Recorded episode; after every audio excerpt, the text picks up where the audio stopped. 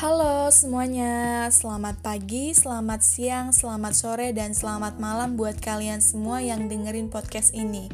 Oke, sebelum kita masuk ke inti pembahasan kali ini, lebih enaknya kita kenalan dulu kali ya. Jadi, kenalin nih, nama aku Nisalia Ningrum. Aku merupakan salah satu mahasiswi Universitas Negeri Jakarta. Sebelumnya, gimana nih kabar kalian hari ini? Um, semoga kalian selalu dalam keadaan yang baik ya, dan hal-hal baik selalu menyertai kalian. Amin. Eits, jangan lupa harus selalu jaga kebersihan dan kesehatannya agar tubuh tetap fit dalam menjalankan aktivitas. Oke, pada kali ini aku bakalan ngebahas tentang salah satu marketplace di Indonesia nih. Ayo coba tebak, pasti kalian semua tuh udah pada tahu nih, yaitu Shopee. Nah, siapa sih yang nggak tahu aplikasi Shopee? Bahkan hampir semua kalangan usia tuh telah menggunakan aplikasinya loh. Shopee ini merupakan salah satu marketplace online besar di Indonesia dan sedang berkembang pesat di kalangan masyarakat. Dengan keberhasilan Shopee pada saat ini tentunya memiliki strategi dalam menjangkau pemasaran online. Nah, sekarang aku bakalan ngebahas tentang analisis SWOT pada Shopee nih. Yang pertama itu ada strength atau kekuatan. Jadi ada beberapa kekuatan yang dimiliki Shopee sehingga menjadi marketplace besar di Indonesia nih. Yang pertama itu Shopee dapat menjadi sumber pendapatan utama seseorang di masa mendatang. Karena mengingat Shopee sedang merintis kepopulerannya ya saat ini tuh. Jadi Shopee merupakan marketplace yang dapat digunakan oleh para penjual atau reseller toko dalam mencari pendapatannya dengan melakukan penjualan atau penawaran barang secara online kepada para calon konsumen. Dan bahkan untuk para penjual atau seller yang masih merintis tidak perlu harus mempunyai toko besar. Sudah dapat berjualan secara online loh, praktis banget kan? Yang kedua, Shopee memudahkan penjual atau seller dalam memasarkan barang dagangannya dengan fitur foto, sehingga bisa mengunggah beberapa foto barang. Hal ini dilakukan agar calon konsumen bisa melihat atau memilih barang yang akan nantinya dibeli. Nah, yang ketiga atau yang terakhir, aplikasi Shopee sudah menyediakan fitur chat yang dapat digunakan pembeli untuk bertanya ke penjual atau seller yang telah disediakan oleh pihak Shopee nih. Jadi untuk para pembeli yang masih ragu pada suatu produk dapat ditanyain dulu nih ke penjualnya biar nantinya tidak ada penyesalan dalam pembelian secara online. Yang kedua, pada analisis SWOT itu ada weaknesses atau kelemahan. Jadi ada beberapa kelemahan yang dimiliki Shopee nih guys. Yang pertama, ada beberapa penjual yang memasang foto barang tidak sesuai dengan keadaan asli barang. Wah, kalau ini mah aku bakal cerita sedikit ya tentang kejadian pada diri sendiri nih namanya juga anak muda apalagi anak kuliahan yang tergiur sama barang yang harganya murah. Ayo siapa di sini yang tergiur sama barang yang murah nih? Jadi, aku pernah beli tas yang harganya nggak terlalu mahal sih, tapi menurut aku standar dengan harga segitu. Di fotonya tuh kayak kelihatan keren, bagus banget, tapi pas paket tasnya datang ternyata biasa banget dan rusak pada bagian pengaitnya dong. Wah, otomatis itu tas tuh nggak bisa dipakai. Jadi kayak sia-sia aja gitu belanja online kali itu. Nah, pesan aku nih buat kalian jangan lupa lihat review tokonya dulu nih. Dan setelah itu lihat pro review produknya yang pengen dibeli ya. Oh ya, satu lagi nih ada beberapa penjual yang kurang menanggapi pertanyaan yang diajukan oleh para pembeli loh guys. Atau pengembalian barang yang sering dipersulit oleh pihak penjualnya.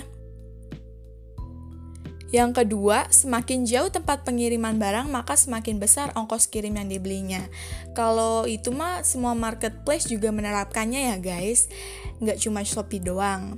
Nah, jadi buat kalian yang pengen belanja online melalui Shopee, harus lihat dulu nih dari mana toko online pengirimannya, biar kalian bisa ngukur ongkos kirimnya. By the way guys, kalian tahu gak sih ada kasus baru loh terkait pengiriman barang pada Shopee? Salah satunya itu pengiriman barang yang terlambat sampai ke konsumen. Nah, kalian pernah dengar berita di Twitter baru-baru ini ada hashtag Shopee Tindas Kurir. Nah, berita ini tuh sampai trending loh karena ada beberapa kurir Shopee Express yang mogok kerja karena tarif per paketnya semakin rendah, sehingga membuat penghasilan para kurir Shopee Express menurun jauh dan tidak sesuai dengan tenaga yang dikeluarkan oleh para kurirnya loh guys. Jadi, paket para konsumen tidak keurus, makanya terjadi keterlambatan kedatangan barang. Yang ketiga atau yang terakhir, ada beberapa masyarakat yang masih kurang percaya belanja secara online nih. Mungkin karena barangnya tidak takut barangnya tidak sesuai dengan ekspektasi ya.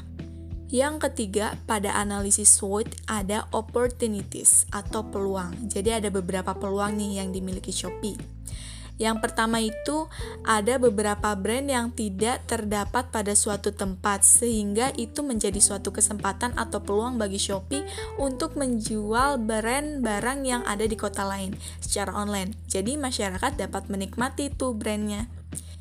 Yang kedua, Shopee telah memfasilitasi para penggunanya selalu dapat mengakses setiap hari kalau kata anak zaman sekarang mah 24 per 7 yang artinya 2 jam dan 7 hari. Yang ketiga atau yang terakhir itu ada ekspansi bisnis yang sangat global sehingga menjadi belanja online populer pada akhir-akhir ini. Guys, kalian tahu gak sih kalau Shopee itu mendukung para penjual untuk dapat berjualan sampai ke global jika memang produknya itu memiliki kualitas bagus ya. Shopee itu benar-benar tidak ada batasan daerahnya, makanya sangat efisien jika kita belanja secara online. Nah, yang terakhir pada analisis SWOT itu ada traits atau ancaman. Jadi ada beberapa ancaman pada Shopee dalam mengembangkan suatu marketplace-nya nih. Jadi ancaman ini tuh harus diatasi oleh Shopee, guys. Yang pertama itu adanya pembajakan dunia maya yang dapat merusak sistem dari Shopee. Kejahatan yang dilakukan online itu sangat gampang ya guys dengan adanya hacker atau penyusup pada sistem Shopee. Nah, untuk mencegah hal itu, pihak Shopee harus benar-benar nih ngejaga sistemnya agar tetap terlindungi. Yang kedua, semakin luas penyebaran Shopee sehingga membuat para penjual memiliki pesaing dan kompetitor yang sangat ketat loh guys dalam penawaran barangnya. Nah, hal ini kembali lagi kepada pintar-pintarnya penjual dalam melakukan pemasaran online dan inovasi-inovasi baru dalam mengeluarkan suatu produk. Yang ketiga, ada tidak adanya privasi pengguna Shopee karena data para pelanggan akan diketahui secara terang-terangan untuk keperluan pengiriman. Nah, dengan adanya itu penipuan dapat terjadi nih di mana-mana yang mengatasnamakan pihak Shopee. Makanya guys, kalian harus menjadi pelanggan yang cerdas agar data diri kalian tetap terjaga. Oke okay guys, mungkin itu aja yang bisa aku bahas di podcast kali ini. Semoga kalian semua dapat mengambil ilmu dan manfaatnya ya. Mohon maaf apabila aku ada kesalahan kata atau kalimat, karena manusia tidak luput dari kesalahan. Bye guys, terima kasih telah mendengarkan podcast ini.